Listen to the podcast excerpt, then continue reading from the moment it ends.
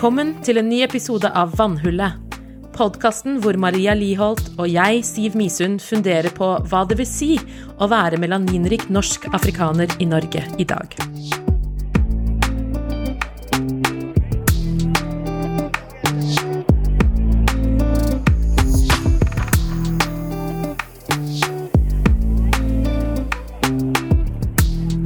Hei, Siv. Hei, Maria. Hei, hei. Vi, We pleier å ta opp Ja, vi pleier å ta opp om morgenen, men nå er det jo kveld, så Så det Men vi er, det er full fart for det. Eh, ja da, det skal ikke stå på farten. Det kan jeg skrive under på. Litt for mye fart. L- Ja, litt for mye fart akkurat nå. Jeg kjenner det. Begynner å bli Ja. gammel, vet du, Maria. Det du er jo før. Kjenner åra på ryggen. Sånn er det blitt. På da ryggen og Ja da, ja da. Alltid noe gærent. Kjenner værforandringen litt i et lite kne her, vet du, og ja da. Så gøy. Ja. Men altså, jeg begynner i hvert fall å nærme meg min indre alder. Det er jo Ja. Olga på 90 som er mitt alter ego, så jeg, nå begynner jeg å nærme meg, og det, kanskje det egentlig er en fordel. ja, det blir spennende når nærmere kommer. om Ja, den bare merger til slutt. hva som skjer. Time will tell. Se hva som skjer. Mm. Nei. Men ja, Siv, hva er det ukas eh, beste? Her, ja. Vi starter vi, end, we, we are ending on a high note, som det heter. Så vi starter med verste. Å ja, vi starter med det verste. Ok. Ja, Jeg bare ending on the high note når du spurte meg om det så beste først. vi sånn, Ok, vi må bytte om. Ok, ja, Ja. ukas versting for meg var Jeg driver og tar noen sånn etterutdannings-, videreutdanningsgreier. som eh, coaching og ledelse på eh, Universitetet i Sør-Norge, fordi jeg syns det er spennende, og jeg følte at jeg ikke hadde nok å gjøre. Ikke? Eh, veldig smart. Eh, men det er veldig, veldig spennende, og den uken her så har vi hatt eh, Zoom-forelesning, som jo er også ganske slitsomt. Um, Ja, men- er på? um, he, totalt på kurset så er det vel 70 stykker, og så har de delt oss i to grupper. Ja, Så i det min mange, gruppe så er vi sånn 35, da. Mm. Typ. Ja. Det er mange å følge med på. Det er mange å følge med på, og altså, nå er jo de fleste muted og, og sånn, så det går jo veldig fint, det, altså. Mm. Men da hadde jeg en liten episode, vil jeg vel kalle det. Mm. Eh, og det er vel Ja, vi har jo snakket om det før, at det er den, den følelsen når du blir minnet på at du er litt annerledes, eller at du Mm. kanskje reagerer litt annerledes. Du ser noe annerledes enn de andre i rommet. Mm. Eh, og det var et eksempel som hun professoren viste. Som det handlet om ledelse og hvordan man skal kjenne sine medarbeidere. Og da viste hun et klipp fra en film som heter The Blind Side. Det er en film jeg har sett, eh, og som jeg har ja, litt sånn div følelser om og rundt. Og kort fortalt da, så har den jo litt sånn white savior complex. Um, Vi linker til det i episoden, så da kan man, dere lese og, og finne ut mer om hva det er for noe.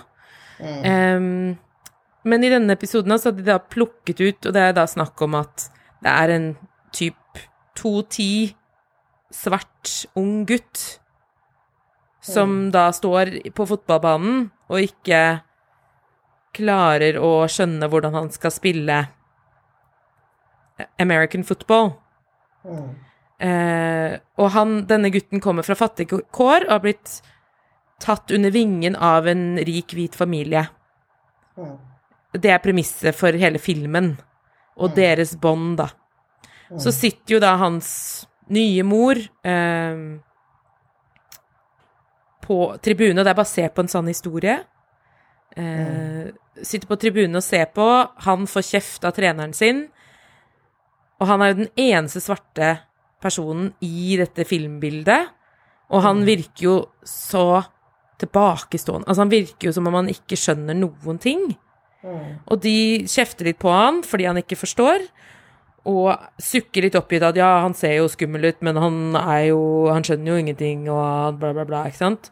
Så sitter hun og ser på, og så bare Vent litt. Og så tripper hun bort til de høye hælene sine på gresset med, med sitt korte skjørt.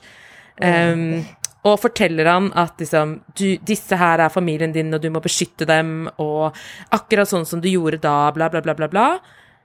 Så tripper hun tilbake, og han treneren sånn Hvorfor? Du kan ikke bare bryte inn i spillet, bla, bla, bla. Så spiller de igjen, da. Dette er da en treningskamp, bare. Eh, så spiller de igjen, og selvfølgelig da bare bodyslammer han alle og er dritgod. Sant? He just needed a white woman to explain football to him. Og jeg satt igjen med sånn skikkelig klump i magen. Bare øh, Dette Jeg skjønte hvorfor hun hadde valgt det klippet for å vise at han treneren ikke visste hvordan han skulle motivere spilleren sin, men at hun skjønte det, og det handlet om at hun visste hvem han var, og forsto hvordan han fungerte, og hva han trengte. Men for meg så bare stoppet det ved at det er én svart person i denne filmen, og han fungerer ikke. Han skjønner liksom ingenting. Og så sitter noen etterpå og bare 'Å, jeg blir så rørt', og sånn. Og jeg sitter der og tenker bare 'Jeg har lyst til å kaste opp'. Seriøst. Dette er ugreit. Og det tok meg kanskje 30 minutter etterpå å komme tilbake i Altså, det som skjer med meg, da, at jeg mister tillit. Plutselig så tenker jeg at jeg er ikke trygg i dette rommet. This is not a safe space for me. Um, så det, ja. Det ble en liten lang historie, men det var min Ikke fullt så Ja.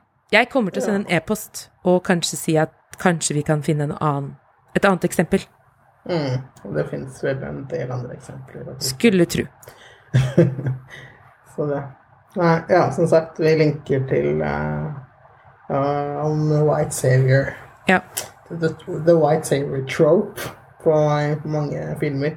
Jepp. Mm. Den er eh, fin og forklarende. mm. Yes. Du da, Maria? Da var, ja, meg da. Eh, min verste var eh, å være, være hjemme med sykt barn. Eh, eh, feber og sånn. Så det har vært mye grining og lite søvn. Og Yay. ikke spist noe særlig. Og, og ja. Og liksom plutselig veldig hyper, og ting er fint, og så veldig slapp. Og så, ja, opp og ned. Svingninger. Så, svingninger. Så det å være i, innestengt i leilighet på i går var sånn herre Nå må vi ut. Nei, takk, jeg ikke med. Selv om det er Ah. litt feber igjen, så bare må vi ut og lukte oss. Dette her er viktig. Ja. Ja. Så det var eh, vært noen Så det var veldig deilig å bare komme i barnehagen i dag og være sånn Vær så god. Sayonara. ass. She's all yours. sånn, takk Gud for barnehagen. Så det mm, Der har Det du min uh, mm, motherhood at its best. love. I love her, but you know. Yeah, I know. when she give you that side eye, you'd be like, mm. Ja, Nei. Så det, det var uh, Ja. Mm. Men din beste, da? Min beste er jo fortsatt egentlig det å få lov til å ha konserter. Mm. Nå har vi hatt eh, et par fine konserter. Jeg får synge afroamerikansk komponist, kvinnelig komponist. Det er kjempegøy. Og så holder jeg også på med et eh, sånn litt spesielt Messias-prosjekt. med fire sangere og trekkspill og piano.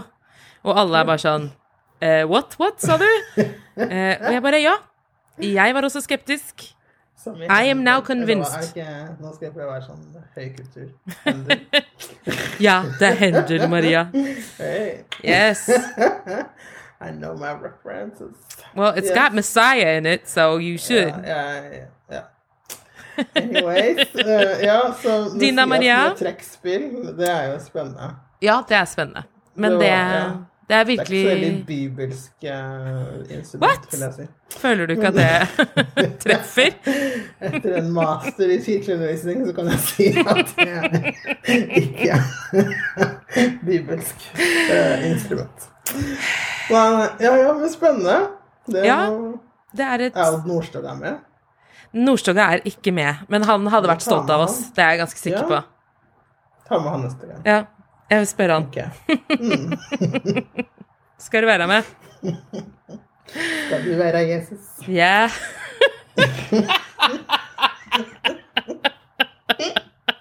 Wow, Maria. Wow. Å, dette er jo min drøm. Altså, jeg drømmer jo alltid om å kunne putte inn interpretive dance i alt, Ja. egentlig. Altså bare sånn i livet jo- generelt. Han har jo den sangen som heter Dans, dans, dans, eller noe sånt. Altså! Så jeg tenker at dette her er perfekt. Så han kunne bare danset Jesus i bakgrunnen mens vi sang uh, Messias, ja. Exactly. It would be interesting. Så da får han også en koronajobb. ikke sant? Vi tenker på alle. Her er det hjerterom. Skal ikke stå på det. Alle er invitert. Det handler om å skape arbeidsplasser, vet du, Maria. Skape arbeidsplasser. ja Viktig. Ja, ja. Vi tar ansvar. Apropos arbeidsplasser, Maria. Hei, hei. Hva skjer på The Good News? På Good så har jeg fått ny jobb. Burp. Jeg, er fortsatt kateket, men i en ny menighet, så da skal jeg Jeg holder på vestkanten, da. Så, Ja, akkurat. så jeg skal til fra Holmen i Asker til Ulleren i Oslo. Ulleren i Oslo. Ulleren. Men det som er litt kult med Ullern kirke, som Ja. jeg ikke visste før nå, var at eh, eh, på deres sånn eh, glassmaleri i kirken, Mm. så er Jesus melaninrik. Woo! Hei! Black Jesus. He Wow. here. Yep. Så jeg måtte til Ullern for å finne en svart Jesus. Det er bra. Eh, så det blir gøy å, å utforske mer, Ja, spennende. rett og slett. Så det, jeg gleder meg. Det, det blir på nyåret. Ja. Mm.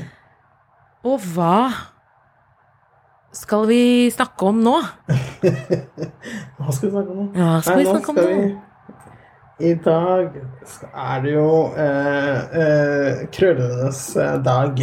Wo- wo- Yes, Lalla Kolbali, hun eh, er jo en venn av oss. Ja. eh, og en av disse nye, eh, nye stemmene i, eh, i norsk eh, afrikansk historie. Mm. Så hun skal vi da snakke og bli mer kjent med, rett og slett. Vi tenkte jo at vi kan jo ikke ha noe oktoberfest og feire black history og ikke feire hår og krøller. Exactly. Hår Altså, jeg mener is what we do. Mm. Nei, så det eh, blir bra, Ja. rett og slett. Mm. Skal vi bare si kjør? Kjør film.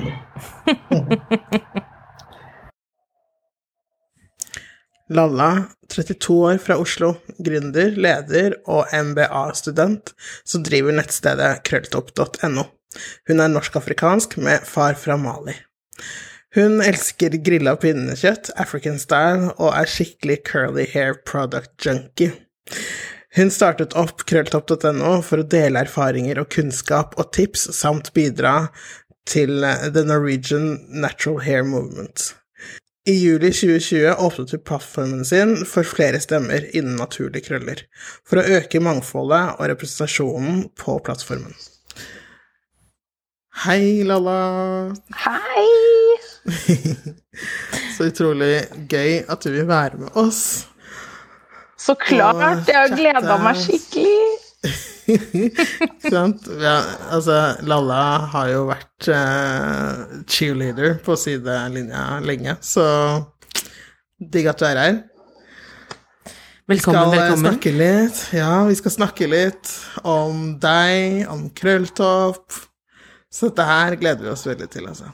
Nice. Så bare for å Ja, vi starter fra starten uh, med Krølltopp, da. Hvorfor trenger vi Krølltopp i Norge? Det er et veldig godt spørsmål, egentlig. Uh, trenger Jeg vet ikke Altså, vi trenger en plattform, tenk, tenker jeg, og tenkte jeg da jeg starta opp Krølltoppa. Uh, at jeg savnet liksom å se uh, natural hair på norsk.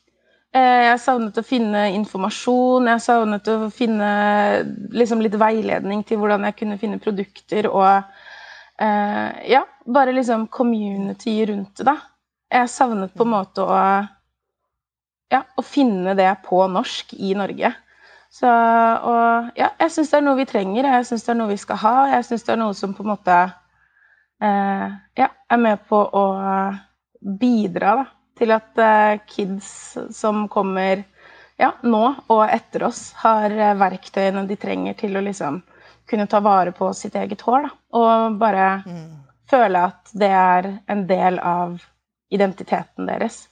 Så mm. da, jeg syns vi trengte en plattform, og jeg syns det var ja, kult at, at, eh, jeg fikk lov til å være den som liksom fikk starte da, den plattformen.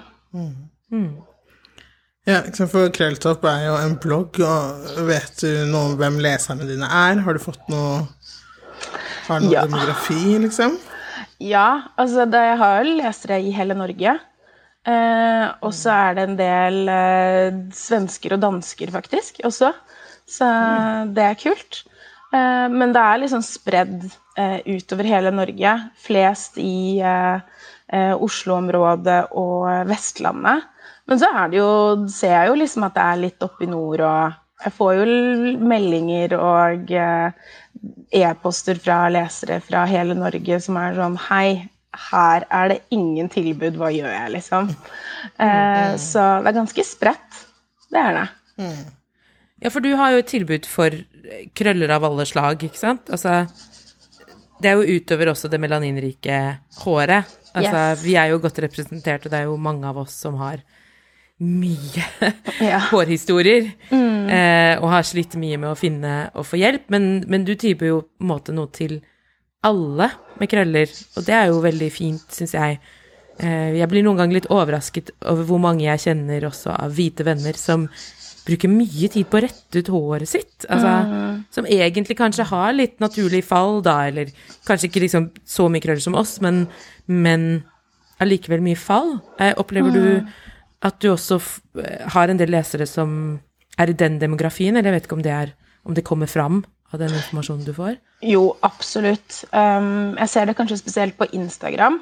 Uh, mm. Men også det jeg får liksom av direkte meldinger og mailer og sånn, at det er veldig mange liksom ja, etnisk uh, norske med, med, krøller, som liksom alltid har retta ut håret og brukt mye rettetang, og som syns at det er kult at de kan bruke en del av de tipsene som kommer opp på bloggen. da. Eh, mm. Så jeg har jo en lillesøster sjøl som er eh, eh, halvt cubansk, men allikevel liksom blond og hele pakka. Og ser, mm. og ser liksom etnisk norsk ut. Hun har jo krøller og har jo liksom tydd til rettetangen Eh, mm. et, et, helt liv, fordi hun liksom har følt at krøllene ikke eh, representerer den hun er, da, den hun ser ut som. At det, det nordiske på en måte skal være rett og, og mm. liksom stritt. Eh, så hun har jo også liksom ja, følt mye på det, da. Mm. Mm. Jeg tror det er veldig mange. Er det noe, er det noe av grunnen til at uh, det, bloggen heter Krølltopp og ikke Afro Hair, eller er det for å romme flere typer eh, krøller, på en måte? Det er et godt spørsmål. Altså, jeg valgte egentlig krølltopp fordi jeg syns det er så utrolig norskt. Det er liksom en ø inni der. Uh, og det, det, som, det som jeg egentlig Det som egentlig var, var viktig for meg, var på en måte å uh, kunne liksom ta det norske med, med i hele opplegget. Fordi mm. først og fremst så er det jo en blogg for oss eh, melaninrike mennesker med liksom afro, afro hair. Eh, mm. Men vi er også norske. Og mm. da syns jeg at det er viktig at vi på en måte har noe som er norsk, da. Fordi vi er eh, Ja, jeg ser jo på meg selv som afrikansk-norsk, norsk-afrikansk, og kan jo på en måte relatere til eh, den afroamerikanske kulturen. Men så handler det jo om det, om det å ha en norsk-afrikansk kultur. Og jeg vet ikke helt hva den er.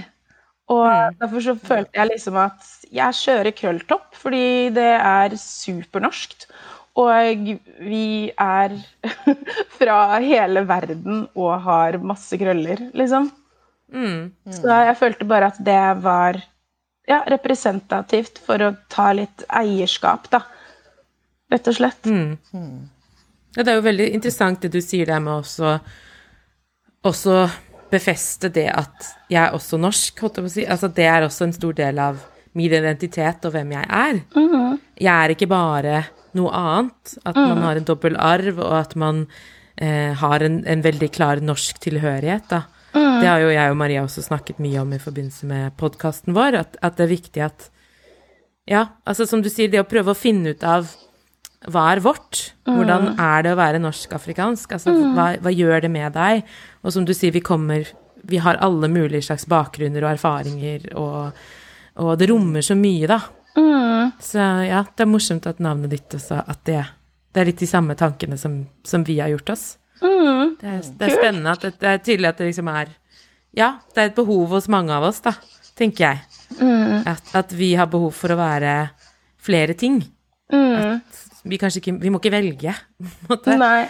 At Å ja, for å være norsk så må jeg rette ut håret mitt, eh, og på en måte gjøre meg selv så, så quote unquote eh, hvit som mulig. Eh, men at jeg kan være norsk og se sånn her ut med dette håret. Det er også en måte å være norsk på. Mm, absolutt. Så Når du sier Unnskyld. eh, når du- Når du sa det med at du savnet at det var på norsk, eh, hvorfor ja, Hvorfor trengte vi det på norsk når man kan finne tusenvis av filmer på, eh, på YouTube på engelsk som sier noe av det samme? på en måte? Hvorfor var det så viktig at vi skulle være på norsk, liksom? Det er flere grunner. Det ene er at jeg ville at, at, at det skulle være vårt. Jeg ville at det skulle være enkelt å lese og enkelt å forstå eh, for de som ikke har noe erfaring i det hele tatt. Eh, og mange av de som leser bloggen, er jo foreldre med barn eh, hvor de da enten som er mixed eller eh, adoptivforeldre som sender meg meldinger og er sånn eh, Tusen takk. Jeg visste faktisk ikke at det måtte noe spesiell pleie til, eller um, har du noen tips til hvordan jeg kan gjøre det ene eller det andre? Så jeg vil gjerne ha det på norsk, fordi at det vil, jeg føler at det vil være enklere å relatere til. Mm. Samtidig som at jeg vil at kids skal kunne lese det, så jeg er jo liksom veldig påpasselig med at ikke det skal være banning og sånne ting, for jeg vil gjerne at barn og foreldre skal kunne lese eh, innleggene sammen, se på videoene sammen og på en måte få em, ja, skape skape ja, seg noe ut av det, da. Mm. Mm. Ja, et veldig godt, godt poeng. Det er jo noe med det at eh, Jeg tenker jo også det at eh, en del nordmenn i hvert fall tror at de forstår engelsk bedre altså kanskje litt bedre enn de faktisk gjør. ja, det Så en del ting er Ja, og litt sånn spesialspråk og sånn også, så hvis man ikke er kjent med de begrepene Mm. eh, Og det er ikke så lett å bare slå de opp i en ordbok, tenker jeg. Nei, det er Det akkurat det. finnes liksom ikke. Ja. Nei, så jeg har jo funnet opp en del sjæl. Uh, som jeg ikke kan si om er riktig eller galt, liksom. Jeg har bare liksom oversatt det etter beste evne og fått det til å liksom Ja, prøvd å få det til å høres ålreit ut, da. Men ja, det er liksom det Det er ikke alle produkter som finnes her, som du finner i USA eller i England. Eh, det samme gjelder jo kompetanse hos frisører og sånne ting. Eh, Så nei, jeg hadde bare lyst til å gjøre det på norsk for liksom norske krøllehoder, da. Mm. Mm. ja, det er vi jo veldig takknemlige for. Yay! Det er Du på bloggen din så er det veldig mange eh, historier som, som eh, hårreiserhistorier. Eller hair journey, eller hva. Hva er din hårreise, Lalla? Ja, fortelle, du dele din reise med oss? selvfølgelig. Um, vel, altså, det er jo en reise som man er på hele livet. Eh, så jeg kan jo på en måte fortelle om den reisen jeg har hatt, og så vet jeg jo at det kommer en reise Det er jo en reise hele veien. Um, sånn som nå har jeg jo begynt å få litt grå hår, og er litt sånn hmm, farge, embrace, eh, litt sånn Merker at teksturen endrer seg. Og det er liksom noe hele tiden som man bare må forholde seg til. Eh, men sånn tilbake i tid så slet jeg jo veldig mye med å akseptere eh, mitt eget hår. Eh, og har jo da en mor som er norsk, og en far som er fra Mali. Så det var klart at det Det å liksom gre håret og ordne håret var jo alltid slitsomt. Det var alltid vondt. Eh, når jeg liksom ser tilbake på barnebilder og sånn, vi så jo helt grusomme ut, søsteren min og jeg. Det var liksom Hva skjer her?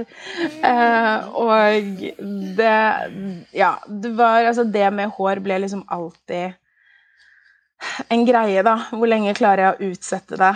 Hvorfor er det så vondt? Hvorfor ser det ikke bra ut? Hvorfor ser jeg ikke ut som de andre?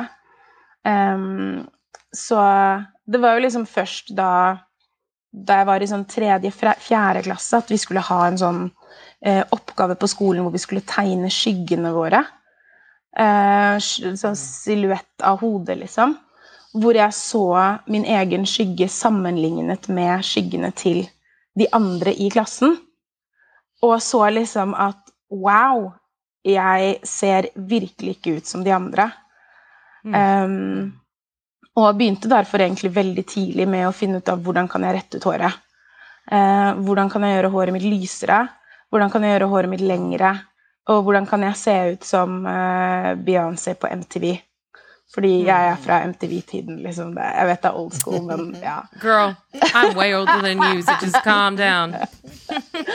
så, så ja, tenårene handlet egentlig om hvordan i alle dager kan jeg ja, bare få retta ut det håret her, sånn at jeg kan se ut som alle andre. Um, mm. Og det var bleking, retting med rettetang. Jeg brukte til og med strykejern uh, på et tidspunkt. Mm. Shit, altså. Ja. Jeg hadde en kompis som spurte meg om det en gang. At Steve, hadde det gått an å rette det håret ditt med strykejern? Ja, det funker. Men du gjorde det faktisk? Ja, ja. Søstera mi og jeg, vi pleide å stryke. Jesus. Ja, ja. Jesus. Det var mange på min ungdomsskole som gjorde det samme. Før, eh, før det var vanlig å ha rettetang, liksom. Så mm. var det Altså, jeg levde jo i en verden pre-rettetang. Det skal sies at min mor er under middels interessert i hår og sminke. Så det var liksom ikke engang på radaren hos meg. Nei. så kanskje jeg egentlig hadde flaks i uflaks. Jeg vet ikke. Du hadde nok det, da. Så Nei, og så var det jo selvfølgelig relaxer. Ja. Og eh, ja, håret mitt vokste jo ikke. Det vokste liksom til skuldrene, maks. Pyramidehår, eller? Uh, pyramidehår. Uh, og, for pyramidehåret! og det er sånn, når jeg ser liksom på, på, bildene mine fra jeg var 16 og til jeg var 22, så er jeg sånn Ok, håret mitt har ikke vokst én millimeter. Hvor blir det av det? Mm. Og Nei, det var uh, ja, det var eh, Det var ikke bra. Ja, uff. Og så fant jeg eh, Jeg vet ikke hvordan jeg kom over det engang, men jeg begynte å titte på noe greier på YouTube. Eh, mm. og plutselig så kom jeg over en dame, afroamerikaner, som liksom holdt på med noen produkter og noen greier, og jeg ble blown away. Jeg var sånn Hva skjer her? Hun har jo, Først så har hun jo det håret, og så liksom har hun i produkter, og hun gjør noe greier, og hun bruker noe kammer, og bam! Og så får hun de fine krøllene. Og jeg var mm, sånn mm. Kan det funke på meg? Så jeg bestilte meg liksom noen produkter og begynte liksom å grave meg inn i hele den derre naturalista-jungelen. Eh, og mm. fikk disse produktene testa og så liksom OK. Håret mitt er ikke bare bustete og frizzy og stygt. Det kan faktisk være fint. Jeg tror faktisk at jeg kan bli glad i det. Mm. Og ja, brukte egentlig ja, et helt år på bare å gjøre research. Um, og fant til slutt produkter som funka for meg. Uh, og håret mitt vokste og vokste og vokste. Um, og det var i en periode hvor uh, jeg hadde flyttet til Spania. Uh, så det er klart, varmen hjalp jo også litt. Uh, mm. Men så var jeg hjemme til jul en gang og gikk rundt i Oslo og så liksom masse kopier av meg sjæl. Jeg så liksom mm. folk som meg selv med et helt ustyrlig hår, og som ja, jeg kjente meg så igjen da, i kids i butikken med liksom bustete hår og floker, og jeg tenkte bare shit, du går gjennom akkurat det samme som meg. Mm. Og det var da jeg ble sånn Ok, hvis ingen andre gjør det, så gjør bare jeg det, liksom. Da starter jeg bloggen. Og så mm. kan Så håper jeg at det når ut til de som trenger det, og som har lyst til å lære, da. Mm. Um, Mm. Så nå i ettertid så har det jo liksom Har jeg jo passet veldig godt på håret mitt. Og mm. har liksom blitt Det har på en måte vært en del av eh, en identitetsreise også. Det handler jo på en måte ikke bare om håret. Mm. Det handler om så veldig mye mer, for det handler om å liksom akseptere at jeg er den jeg er, at jeg har de røttene jeg har, og jeg er stolt av kulturen min fra begge sider. Eh, og jeg har lyst til å representere. Jeg har lyst til å vise at naturlige krøller Sorry, det er eh, Stena Line. Uh, ja, ja, ja, ja. Det er gøy. Det er ikke fasjonabelt La. Ja. Liksom, så god fancy. så får du stemmealarm. Ja. Nei, jeg hadde lyst til å liksom vise at naturlig hår og naturlige krøller er dritpent.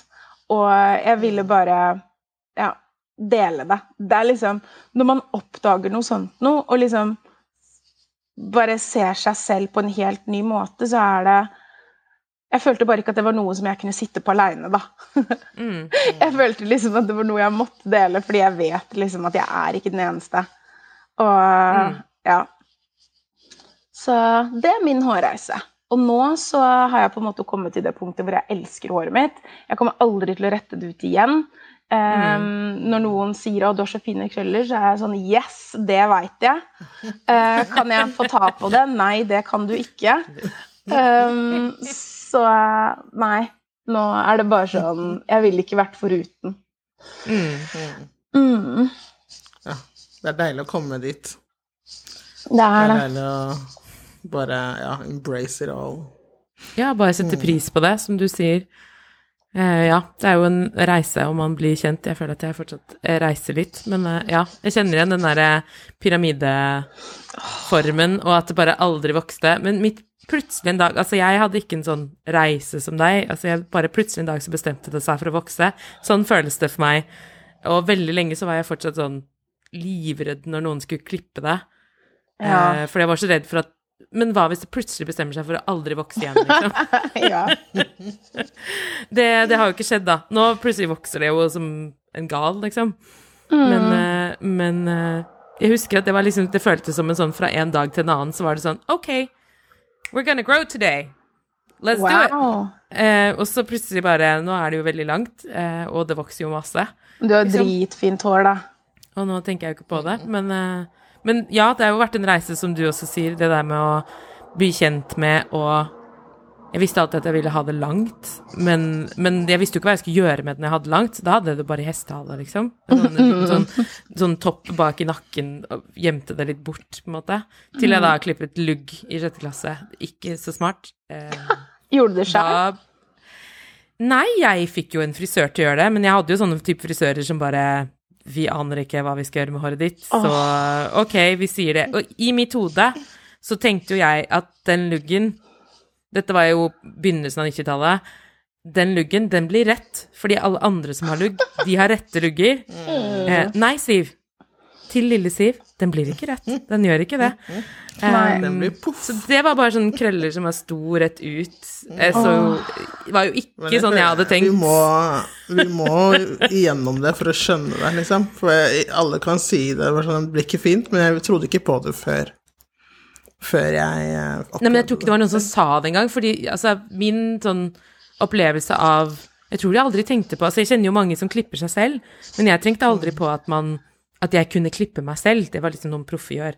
Men Ja. mitt møte med frisører var jo stort sett Ja, dette var fantastisk, men hva gjør vi med det?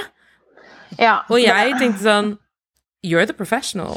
Altså, skal ikke du Skal ikke du vite dette, liksom? Hva gjør vi nå?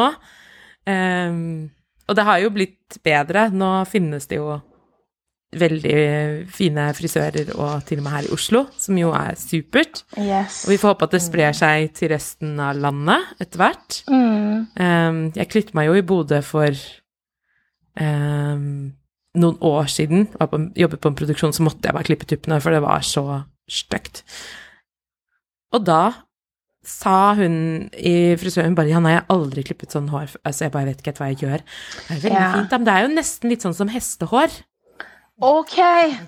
Og da var jeg bare sånn Og hun fortsatte å si det liksom gjennom hele klippingen. Så var jeg bare sånn Du refererer til håret mitt som hestehår, liksom. Nei, det går Tror du at det er et kompliment? Altså, what the fuck? Hun, hun var veldig glad i hester. Hun, eh, Hun var, det skal sies at hun var veldig glad i hester. Ja, ja, men, Men- still. It's not okay. Nei, det er ikke det. Ah, Men du vet, man bare sitter der og bare Ok, du har saks. Greit. Herregud. Ralla, hvordan har ditt møte med andre kjendisaktører vært? Du, uh, for du har jo snakket litt med folk og satt dem litt på plass, noen, og, Vil du hjelpe disse folka i og samarbeidet med noen. Hvordan har dette møtet med disse forskjellige aktørene vært? Da? Det er veldig variabelt. Um, jeg hadde jo en eh, runde med, med Min Mote, blant annet, eh, i VG. Mm. Som er eh, ja, sikkert Norges største motemagasin. Eh, og eh, ja, de hadde jo lagt ut en eh, eh, artikkel om liksom årets hårtrender. Eh, og så det første jeg ser når jeg kommer inn, er ja, årets hårtrender er liksom stritthår. Eh, og da blir jeg sånn Hæ? Det, det er jo hvordan Hva? liksom no. Ja. Um, og da skrev jeg til dem og var litt sånn Hei, det fins veldig mange som ikke har stritt hår, som ikke kan få stritt hår. Og det burde være litt mer representasjon her. Fordi det er veldig mange i Norge, også etnisk norske, liksom, som ikke har muligheten til å få det håret som dere viser som årets trender eh, fra catwalken, liksom.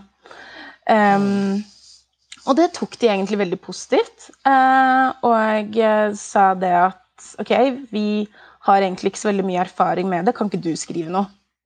Og da fikk jeg skrive et innlegg om liksom Ja, dette her er det som skjer i krølleverden, da. Nå er det liksom det naturlige som skjer. Det er ikke stritt og rett. Det er tvert imot. Det er poff. Og det er big, og det er beautiful, og det er natural. Du kan kjøre kort, du kan kjøre langt, du kan kjøre stort. Du kan være deg sjæl, liksom. Um, og det fikk jeg veldig god respons på, og syns det var veldig positivt at min mote tok det på den måten også. Det er jo kjempebra. Veldig. Eh, og så har jeg jo vært i dialog med litt andre også, eh, hvor jeg ikke har fått helt samme respons. Um, og så snakker jeg mye med frisørsalonger, um, og der er det jo veldig blanda. Der er det jo noen som virkelig ser eh, behovet, og som er sånn eh, Yes, det bor faktisk 600 000 eh, mennesker i Norge som ja, antageligvis har krøller på hodet. Um, og som på en måte ser eh, at det er et behov for at de har kunnskap om håret vårt. Um, og så er det jo noen som er litt sånn Nei, men vi har ingen eh, kunder med krøller, så vi trenger ikke å lære det. Eh, Og da blir det litt sånn Ja, men det er jo ikke så rart, fordi dere kan det ikke. Da får, har dere ikke kundene heller. Da kommer det jo ingen heller. Liksom, det er litt sånn det fungerer. Ja.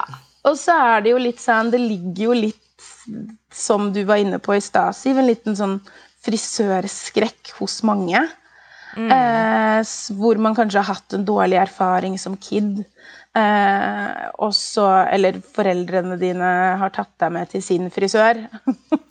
Hvis du har en, eh, en eh, ja, hvit forelder, da, så er det sånn Ja, men hun klipper håret mitt, da kan hun klippe håret ditt. Da kan det ikke alltid gå like bra, da.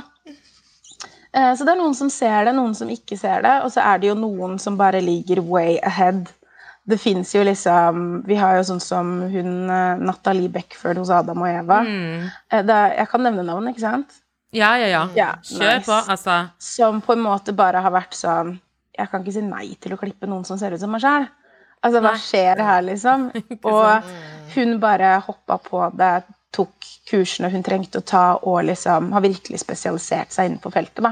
Mm. Um, og så har vi jo Oslo-stylistene, som på en måte hele tiden er på dette med at vi skal kunne klippe alle. Vi skal kunne tilby alle en tjeneste. Eh, Alles hår er på en måte like mye verdt, og alle kundene er like mye verdt. Um, som på en måte har ja, som liksom har hatt den mentaliteten hele veien, da. Uh, så det er kult å se. Men det er jo klart at det er eh, en del som henger etter. Eh, Og så er det jo sånn at man lærer jo ikke å klippe krøller på skolen i dag. Altså, er det ikke en del av grunnutdanningen i det hele tatt, liksom? Nei. De har eh, Jeg tror det er De har noe i forhold til krøller. Men det er ikke sånn at de faktisk lærer å behandle og klippe um, den teksturen som vi har, da. Altså opp til eh, 4C. Det, det lærer dem ikke. Så det betyr liksom at alle som går ut av frisørskolen i dag, kan klippe liksom straight hair, og det er det. Ja. Altså, for meg så er det jo bare helt utrolig at man kan si at det er greit, liksom. Altså bare Og jeg tenker at er det noen som er villig til å legge mye penger i håret sitt, så er det jo oss. Skulle bare visst! De skulle Altså- bare visst. Hvis du bare skal tenke rent økonomisk This is such a big mistake. Altså, dette er liksom Hvis man skal ta Jeg er fra 80-tallet, 80-tallsreferanse. eh, Pretty Woman. Når hun ikke får lov til å handle i den butikken, og så kommer hun tilbake etterpå. Big mistake. Akkurat sånn er det. Ja. For alle dere som trenger uh, white references. Um, no shade at all. Eh, men altså, det er jo så utrolig fascinerende. Og så Ja. tenker jeg jo, som vi snakket om i starten, at det er jo ikke bare oss. Dette rammer jo også andre, altså ikke-melaninrike, som har krøller. De finnes jo også. Skal det ikke være noe tilbud til dem? Liksom, altså Nei, det er jo mange av de som skriver og er sånn Her kan du anbefale en bra frisør, fordi her er det ingen som kan klippe krøller. Eh, og, jeg, og jeg blir sånn Ja, det er et problem for oss alle. Men vi har jo liksom noen nå som virkelig går frem som et godt eksempel. Eh, og jeg er også i dialog med liksom de store eh, frisørbrandene. Og veldig mange av dem er superinteresserte vil lære. Er Eh, og er liksom sånn Våre frisører får lov til å jobbe med akkurat hva slags hår de vil. Eh, Mm. Og jeg opplever at det er veldig god, gode holdninger der, da. Mm. Um, og så er det jo liksom, som veldig mange sier, ja, det har jo ikke vært så veldig mye behov for det før. Uh, og man kan si ja, og man kan si nei. Det er klart det har jo vært mørke mennesker i Norge i en veldig lang tid. Em, men så er det jo klart at nå er det er, verden er jo blitt helt annerledes. Man kan bare hoppe på et fly, og så er man på andre siden av kloden om eh, et halvt døgn. Så det er liksom sånn Kompetansen må heves uansett. Hva gjør du hvis JC kommer inn i butikken din da, og er sånn Hei, jeg skal ha en klipp, jeg. Nei, jeg klipper ikke krøller. Er liksom, really? bye, bye. Ja. Så um, det er sånn Adjø til god reklame, liksom. Det, ja. Ja, så jeg tror det er mange som liksom skjønner at de må steppe på gamet, men som ikke er der helt Ja. ennå. Og så er det noen som bare er way ahead, og som allerede liksom Det er en selvfølge. Selvfølgelig. Ja. ja, for bare det å få tak i produkter, da, tenker jeg En ting er jo for oss som bor i Oslo. Det er lett for oss å snakke om det, fordi ja, ok, nå begynner vi å få et tilbud.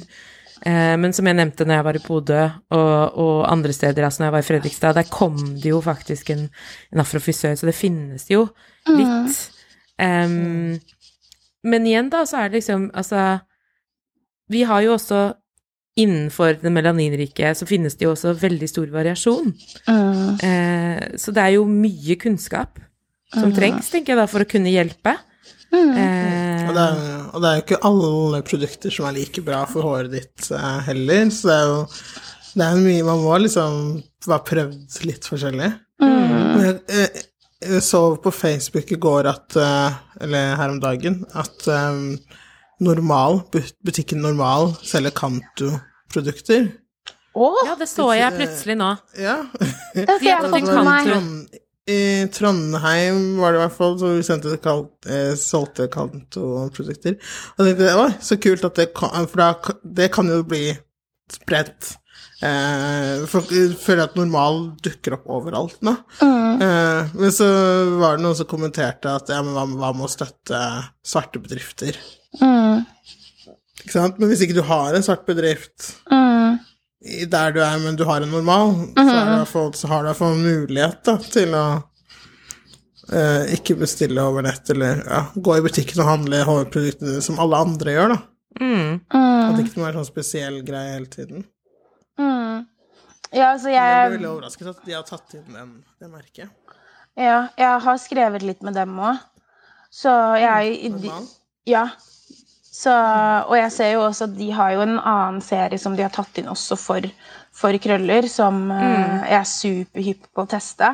Som er et danskt brand, så det For jeg så det var stilt opp sammen med et annet mm. merke. Som, ja. Så de har på en måte fått en egen sånn krølleseksjon. jeg syns det er kult. Mm. Eh, og så er jeg jo selvfølgelig veldig på Altså når vi snakker om dette her at frisørsalongene ikke kan eh, klippe krøller, og det burde de lære, og, eh, og sånn, så er det jo også det med å på en måte support black businesses, da. Jeg syns det er superviktig også. Mm. og når jeg på en måte jobber strategisk mot eh, mot eh, frisørsalonger og eh, disse magasinene og sånn, så gjør jeg også det mot afrosalongene.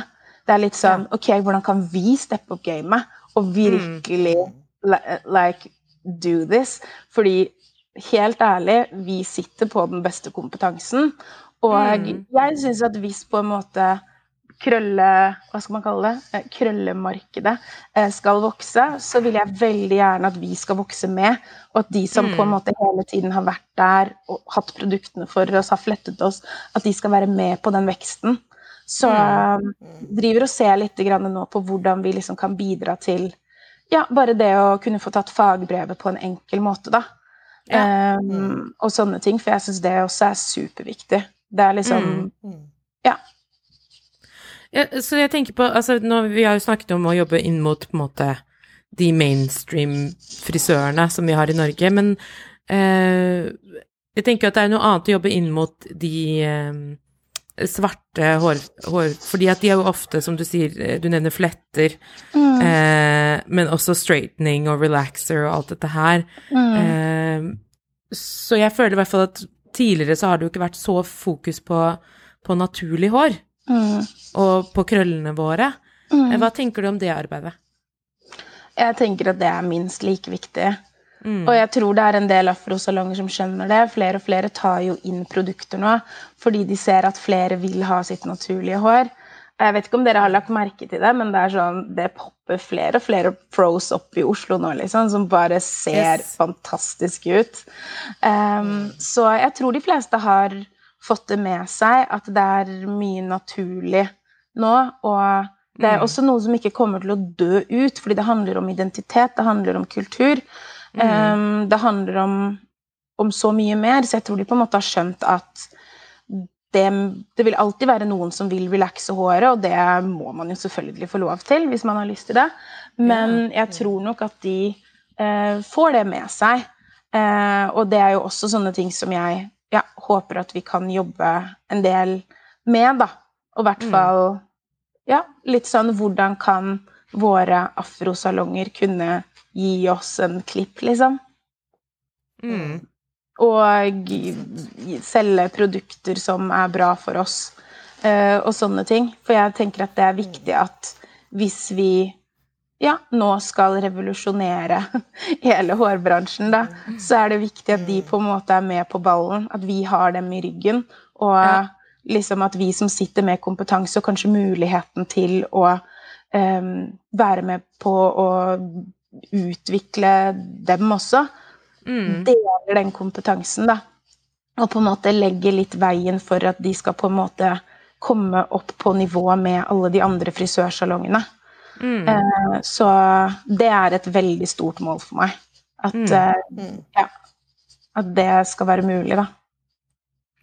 Jobber du også inn mot For du, du holder en del kurs og sånn, ikke sant? Jobber du også inn mot eh, eh, film og TV og, og den type ekspertise der? For jeg opplever jo at mange i den bransjen opplever at når de skal få, bli sminket og ordnet håret, så står de litt på bar bakke, på en måte.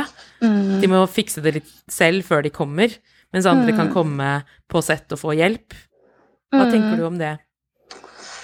Jeg har ikke jobbet så mye inn mot det enda, eh, men jeg tenker at det er minst like viktig. Jeg snakker jo med en del mennesker fordi jeg intervjuer til hårreiser, Mm. og snakker jo med modeller, skuespillere, eh, sangere som dere, mm. som plutselig står på et sett og skal på TV, og så kommer det en palett med liksom hvit sminke og eh, en flaske med hårspray. Eh, og så Alle sier jo på en måte det samme at nei, du er, At de får liksom den beskjeden enten at eh, ja, du er fin som du er. Eh, som var litt sånn Nei, jeg har bedhead, jeg sto nettopp opp. Hvordan kan du si at dette er fint? Skal du ikke gjøre noe? Eh, eller eh, det at man da også kanskje har fått beskjed om å eh, slette det ned, eller ja kvitt, Ikke kvitte seg med det, det blir litt mye å si. Vi er litt mer diplomatiske i Norge, men Ja. litt sånn Du må tilpasse deg, da. Og inn i dette så tenker jeg også på dette med profesjonelt og ikke-profesjonelt hår. Det er jo noe man snakker veldig mye om i statene. Men opplever du at det også er en samtale her hjemme, når du gjør disse intervjuene med hårreiser og sånn? Ja, altså både ja og nei. Et- det varierer veldig. Det er jo noen som på en måte ikke føler på det i det hele tatt. Eh, men så er det jo noen som får beskjed om at håret ditt tar vekk fokuset fra produktet. Hvis det er en reklameshoot, da, eksempel. Ja. Eh, og da begynner vi jo å snakke litt sånn Er det professional hair? Hva er prof professional hair, liksom? Mhm. Hva slags Må man ha et eller annet spesielt hår for å selge et visst produkt? Så det er litt sånn um, Ja, jeg reagerer på det når jeg hører det. Mm. eh, og har på en måte ikke gjort noe aktivt inn mot det enda. Men eh, jeg Nei, føler jeg at tenkte det bare kommer mer på om, om du ser at det fins, på en måte. Ja, jeg var litt nysgjerrig på om, om, om på en måte den For det er jo en veldig sånn tema i, i statene. Og Mm. man kan jo liksom google Man gjør Google search, search, og så får man liksom 'professional hair, only white people'. Ja, Uh, 'Unprofessional hair, only black people'. ja, jeg tror det er en With greie her òg. Ja. Jeg tror det er en greie her òg, i, eh, Mm. i noen bransjer. I hvert fall sånn for dere som skal på, som skal på kamera innimellom, Mm. eh, eller som skal stå på en scene. Eh, snakket jo med en kar, en skuespiller, som skulle ha på seg en ompa-lompa-parykk på scenen. Den gikk jo ikke på, han hadde jo dreads. Eh, og det er liksom Ja, det, det er en greie her òg. Absolutt. Og kanskje ikke, det er kanskje ikke et så stort press på det liksom, i barnehage og skole til skolebilder og sånne ting. Og så tror jeg det er visse yrker hvor det er ok. Men jeg tror at med en gang vi snakker om media og sånne ting, så tror jeg nok at det skjer, ja. Med mindre det er sånn Ja, vi ser etter én med for Ja. at det skal være. Da er det noe annet. Men ja, ja absolutt. Det skjer. Ja. Mm. Ja, det er interessant. Du, hva, er dine, hva er dine drømmer for Krølltopp? Nå har vi snakket om Oh. liksom, dine mål med de andre, med, med eh, hårsalonger, black Mm. owned. Men eh, jeg har, vet jo at du har, eh, du har store drømmer og tanker eh, for Krølltopp. Vil du dele? Ja, absolutt. Kan du dele noen med oss? Det kan jeg. Ehm, Ja, altså Nei, sånn som akkurat nå, så ser jeg jo etter skribenter. Eh, Så jeg har på en måte et stort ønske om å på en måte nå bredere ut og representere. Eh, For jeg har på en måte kommet til det punktet hvor jeg begynner å ha såpass mange lesere at jeg føler at det er feil at jeg skal sitte som det eneste ansiktet og representere på en måte hele natural movement. da. Eh, Så nå er jeg ute og leter etter skribenter fra alle land med alle religioner og som, ja, whatever. Så lenge de har krøller på hodet og har, mul har en evne til å formidle.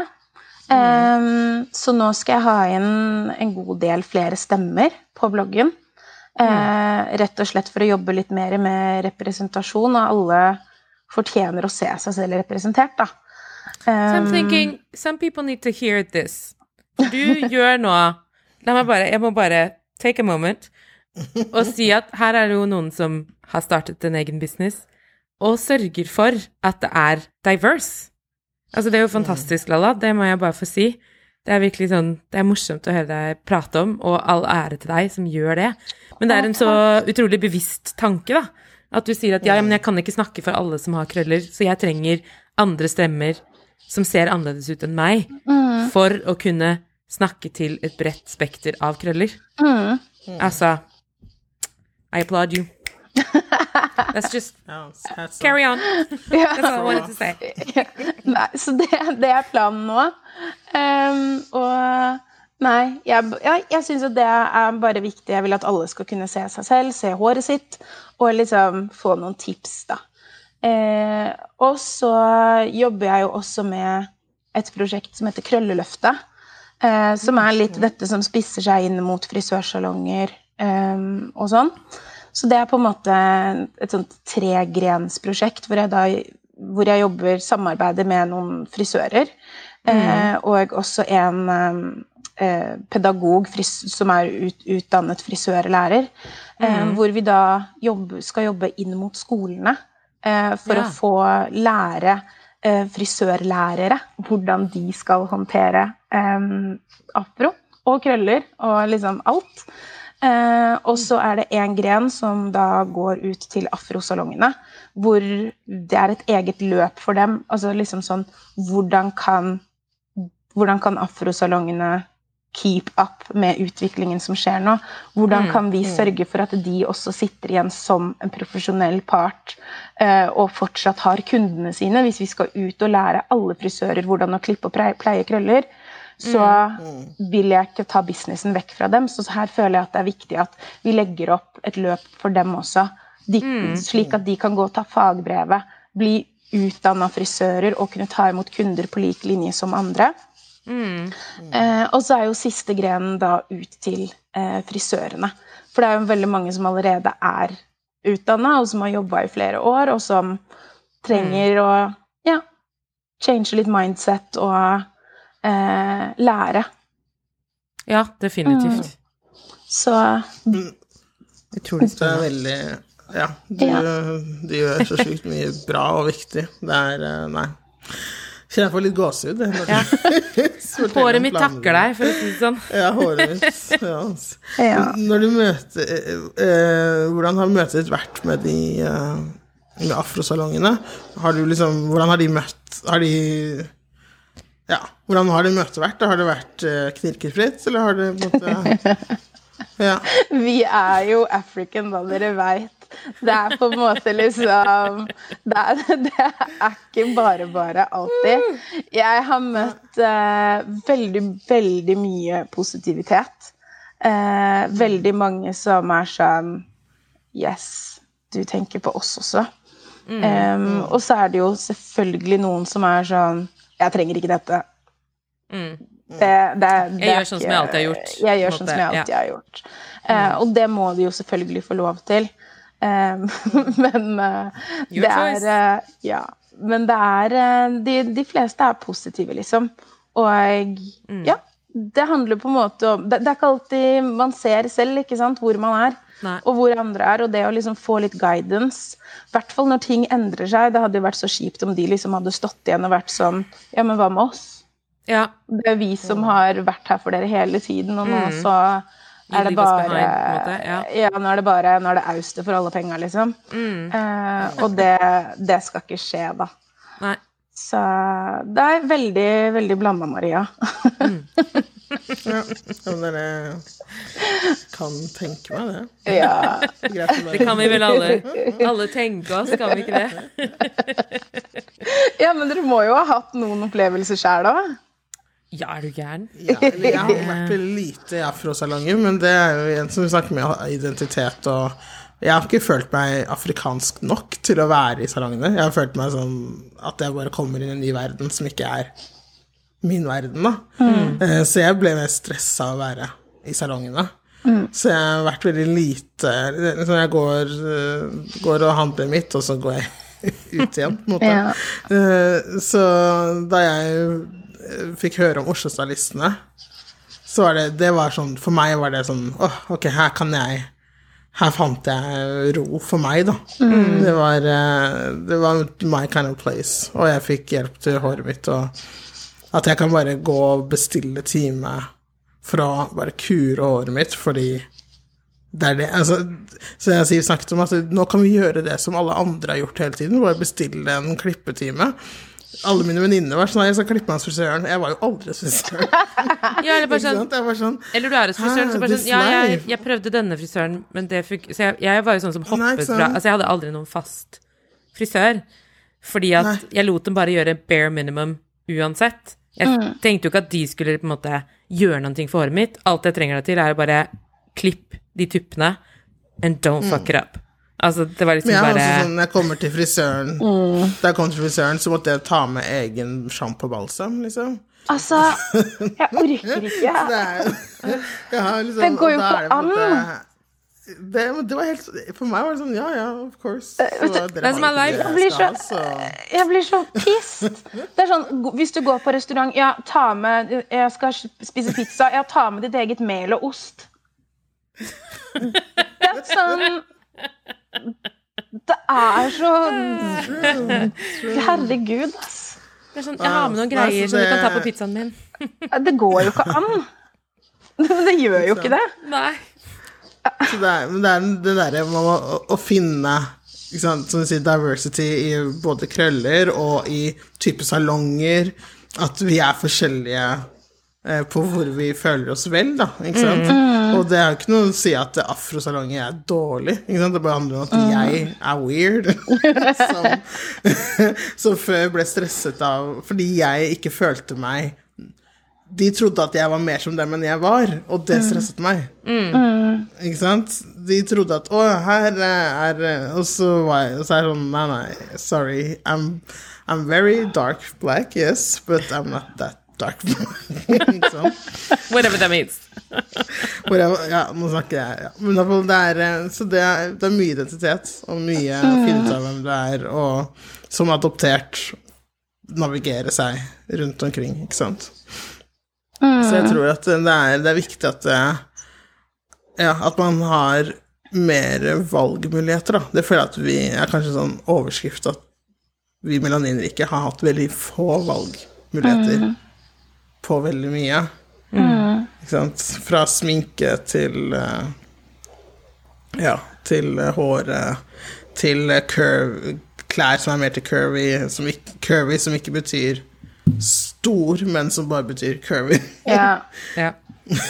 ikke sant? For det er også en, Så det er så mange steder hvor vi har måttet bare gå, ta til takke. Du får den Med- her, liksom. Det er den ene som Ja. er til deg. Alle de andre de har kan 100 valg. altså- Du får denne ene tingen. Og det er Og den eh, fungerer det sånn er nesten, sånn- men ikke helt. Ja, ikke sant? Det gå i kompromiss. Det er kompromiss hele tiden, Ja, ja men den, det, det, for det den er ikke helt skjer, riktig, liksom. Nei. Den kan ikke være helt riktig. Den er sånn Ja, men den er sånn nærme nok. Ja. Liksom. Det, det er er så langt vi kommer. Ja.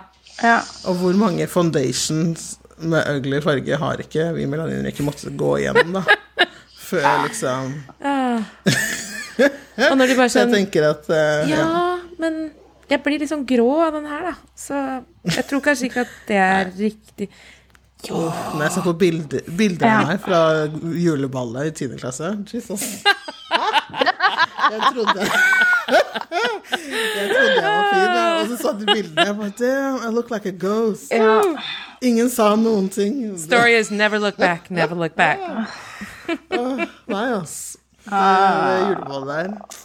Ja, også noen bilder. Altså. Vi burde faktisk samle sånne barneskolebilder og sånne derre uh, skal- ungdomsbilder og lage en sånn derre krølltopp-kollasj. Det hadde vært dritkult. Jeg skal ta med luggen min, og så skal jeg ta med meg min ene erfaring fra en afro som da var i Fredrikstad, og så var det en veldig ung, uerfaren Det var datteren til hun, som egentlig skulle klippe meg, kunne ikke. Jeg hadde klippet meg der før, og det hadde gått veldig bra.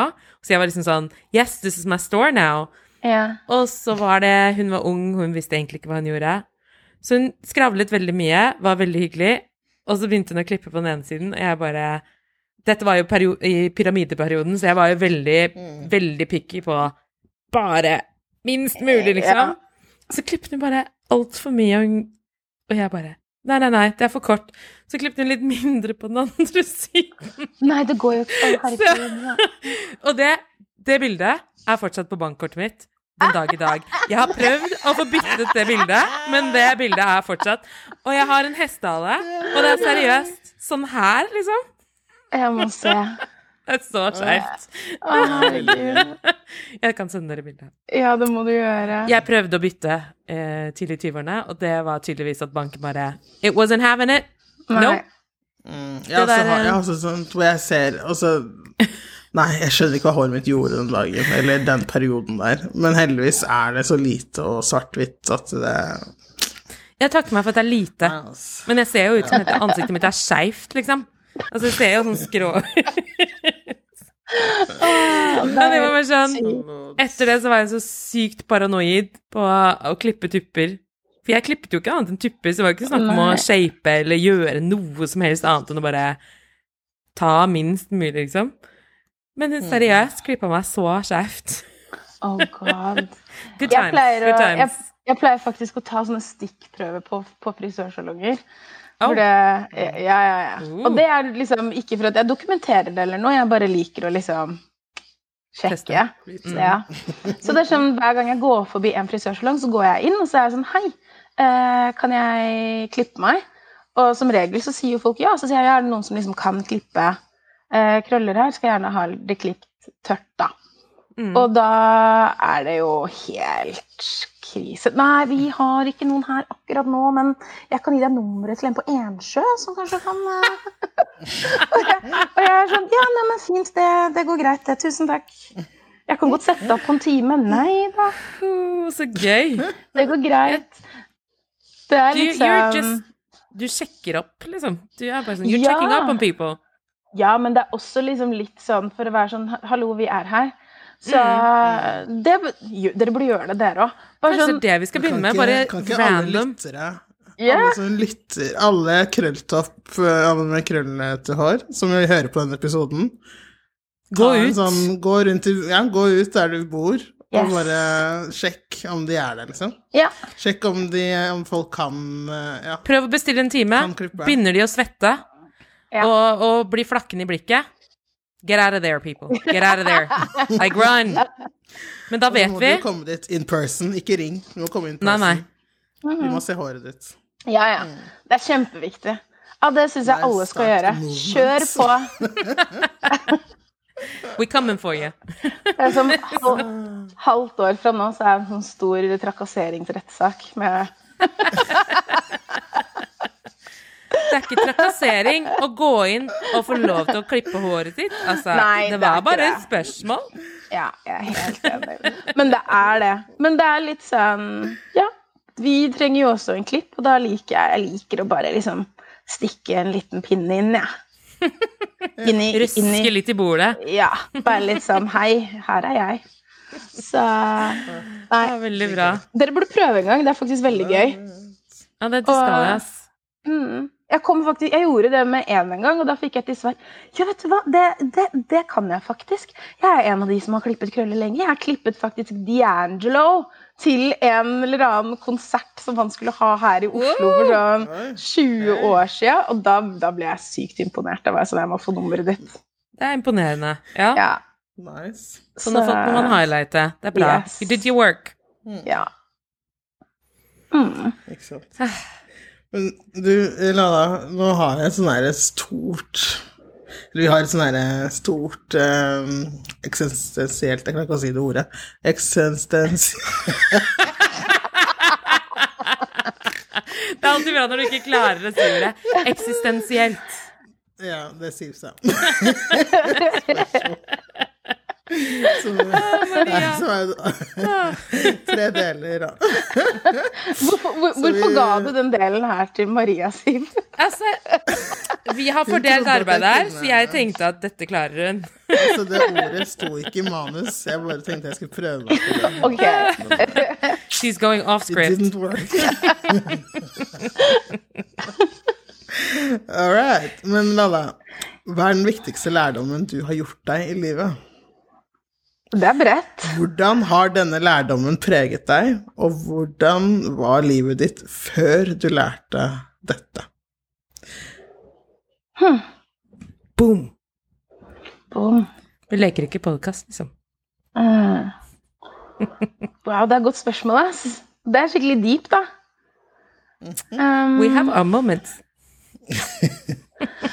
eh, jeg tror at det må være at jeg har lært at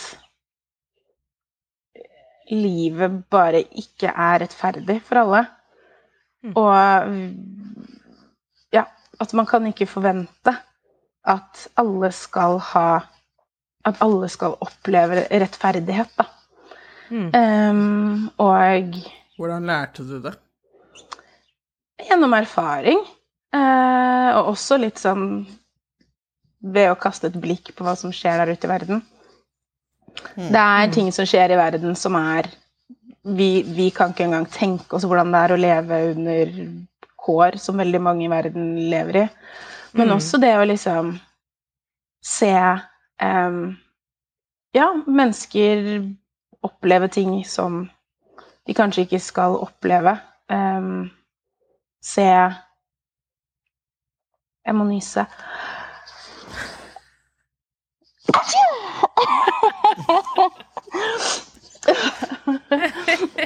Dere kan beholde eller klippe vekk det. er helt opp til dere.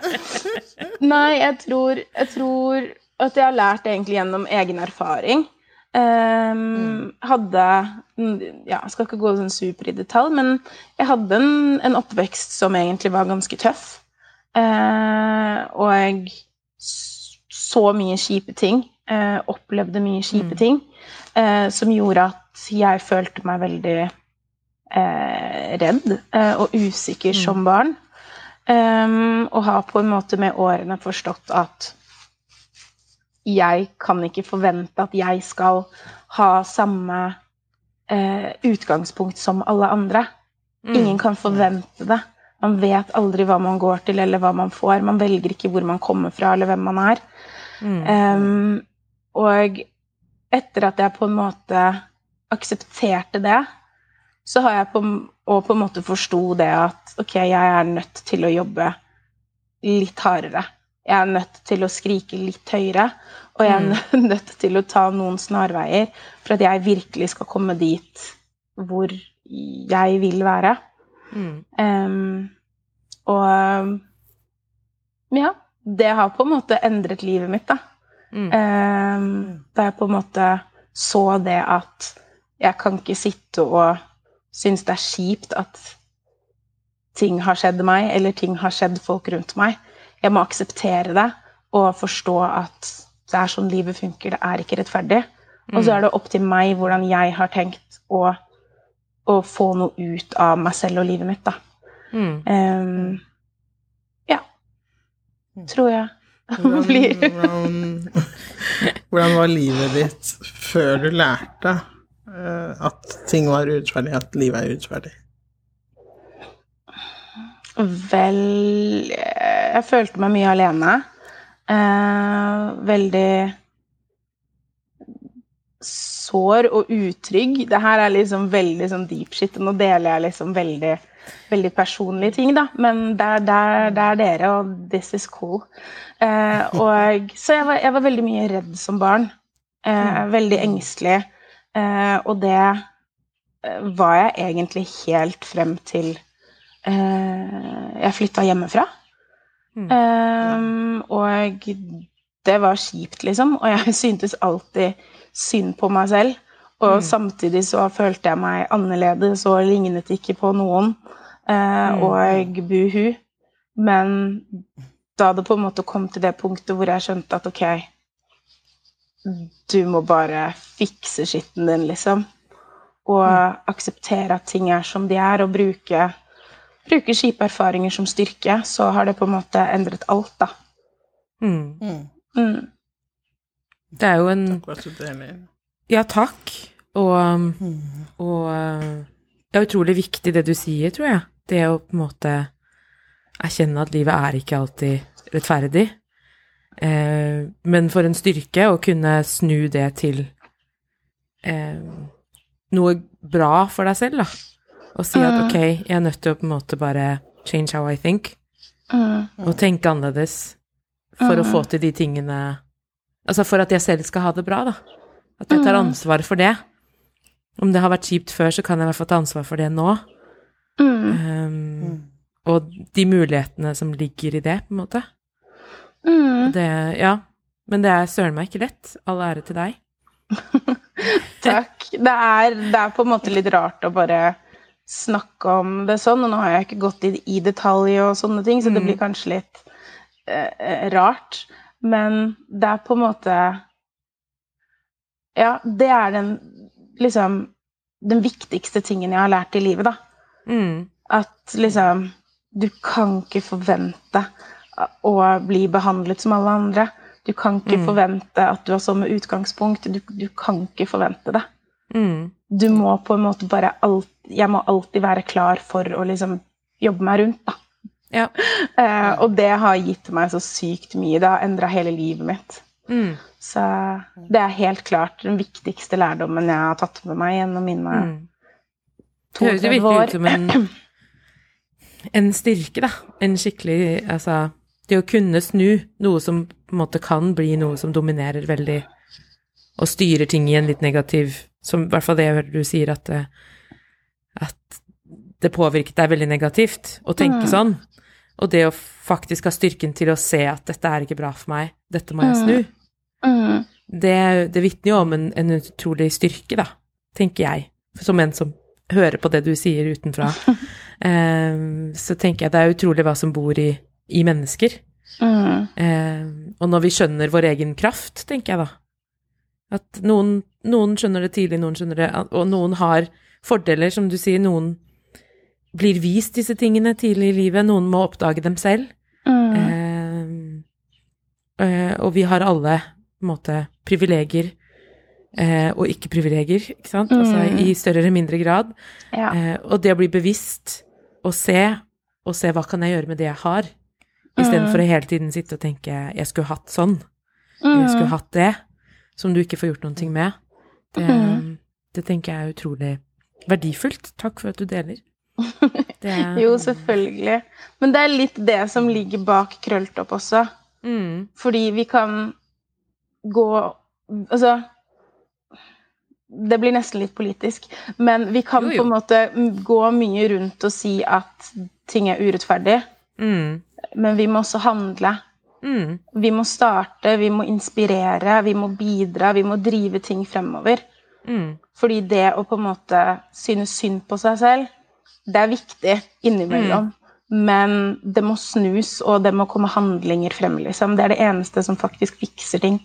Mm. Mm. Så jeg tror det, liksom, det, det er det som ligger bak det at jeg bare starta Krølltopp også. Ja. Mm. Mm. Og så trist det blei nå!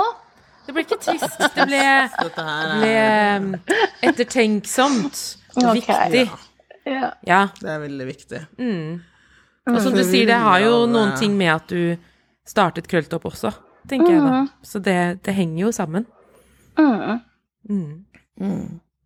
Før vi runder av, Lalla, så eh, må vi jo, våre lyttere og vi, få vite hvor er det vi kan følge deg på social media. Oh, det er jo først og Hva fremst søker vi opp?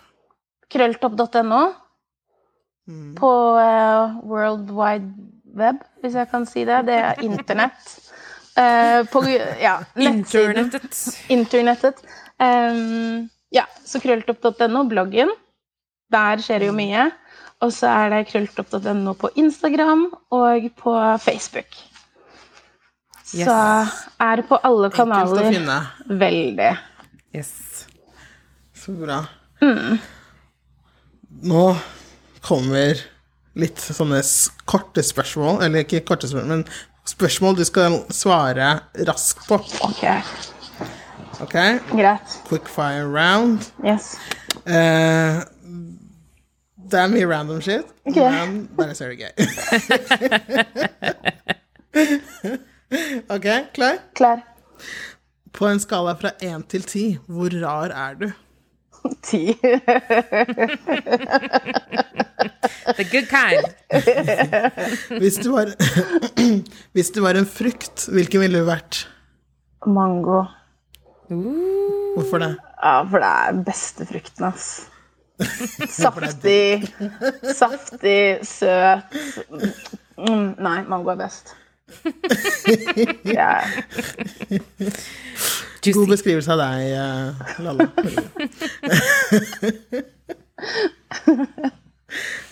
Hva er ditt verste mareritt? Oh, drukne, tror jeg. Uh, Ja. I båt. Titanic, liksom. Den stilen der. Ja. Ha med deg på den, ass. Ja, altså. Skal du først være på båt? Det må være dritt. Vi drukner ikke i noe jolle her, liksom. Nei, det må jo være Ja. Etter, etter, etter tolv retter så to flasker vin og sånn. Med stryke. Q Stena-Line, liksom. Som trykker yeah. på utsiden. Nei. Uh, det skal dark. Nevn én ting. Nevn én ting som folk tror er sant om deg, som ikke stemmer. Mm, at jeg er super-bitchy. Det, ja. det er det mange som tror. true. Interessant. Hva gjør du for å ta vare på deg selv? Håret mitt, først og fremst. Ta vare på det. Um, og ha sånne moments med meg selv. Det, trening og sånn hopper jeg inn og ut av, dietter hopper jeg inn og ut av. Men det å bare ha stunder med, med meg sjæl hvor jeg er sånn Nå er det lallatid. Hvor jeg bare Ja. Yes. Nice. Lallatid. Lallatid. Det er en bra tid. Ja. Hva tenker du om folk som spør 'Hvor kommer du egentlig fra'? Mm, hvor kommer du egentlig fra? Det er liksom uh, Ja. Det, det, det er det jeg tenker. Og Ja. ja. Det er det jeg tenker. La oss holde det der. Ja. Hva er det beste komplimentet du noensinne har fått? Du er smart. Nice. Ja. Nice, nice. Og Siste. Ola Nordmann med eller uten ski? Uten. My peoples. Ja. Skøyter kanskje. Ski, nei.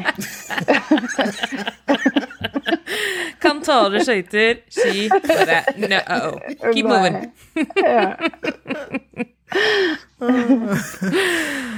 Tusen takk, Lalla. Dette har vært eh, en fryd. Det har vært en glede å snakke med deg. I Virkelig. like måte, damer. Dere er så flinke. Du òg. La oss bare svømme i vår egen fortreffelighet. Jeg, jeg kommer til å være Oh, høy yeah, på det. Jeg kommer til å være høyt på det intervjuet her lenge. Nei, men vi snakkes da, Lalla. Ses Det rundt. gjør vi. Ses Det gjør vi. rundt, damer. Herlig. Ja, det var eh, Lalla, det. Ja, det var Lalla. Hun eh, flytter, eh, flytter tingene framover. Ja. Det er bra at- hun har jobbet så hardt og så bra, og jeg er så ja, imponert og stolt over det hun får til. da. Hun Mm. Det er ei dame, for å si det sånn. Mm. Det er utrolig Så, bra. Ja, Det er, og det er så kult at Ja, og det er så kult at det liksom nå er flere Hun, hun jobber med mange frisørsalonger, Dom og Krølleløftet, eh, Mm. og lærer opp og lager seminarer for frisørsalonger rundt om, Ja, og skape At, eh, bevissthet. At vi Ikke sant? Så at vi med krøller kan gå hvor vi vil Ja. og få håret vårt fikset. At ikke vi må gå til én eller to steder. ja. At vi har noen alternativer, og at krøller blir også en vanlig greie. Alle typer krøller. Mm. Altså, det er jo mange jeg kjenner som ikke nødvendigvis er melaninrike, men som retter ut krøllene sine og sånn, fordi det er så håpløst å, å gjøre noe annet, da. Og det er jo interessant. Hvordan ligger vi an på ski da, Maria? Eh, Ski, da er vi kommet til eh, 4-2. Altså fire Ja. mot nei og eh, to eh, ja. På en eh, to så er det en som er ja, og en som er ja, men hun kommer på ja. Vi må, vi må hjelpe det litt til. ja. så Sånn er Lalla, det. hun eh, var altså på nei. Det var langt. Nei. Ja, Maria, right. da ses vi vel neste uke, da? Det gjør vi. Vi ses på Vanilla. Ja.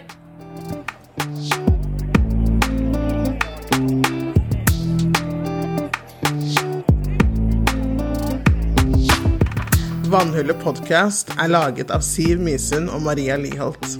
Musikken er laget av Olve Flakne. Husk å abonnere på podkasten, følg oss på Instagram og Facebook. Lik og del. Vi ses ved Vannhullet.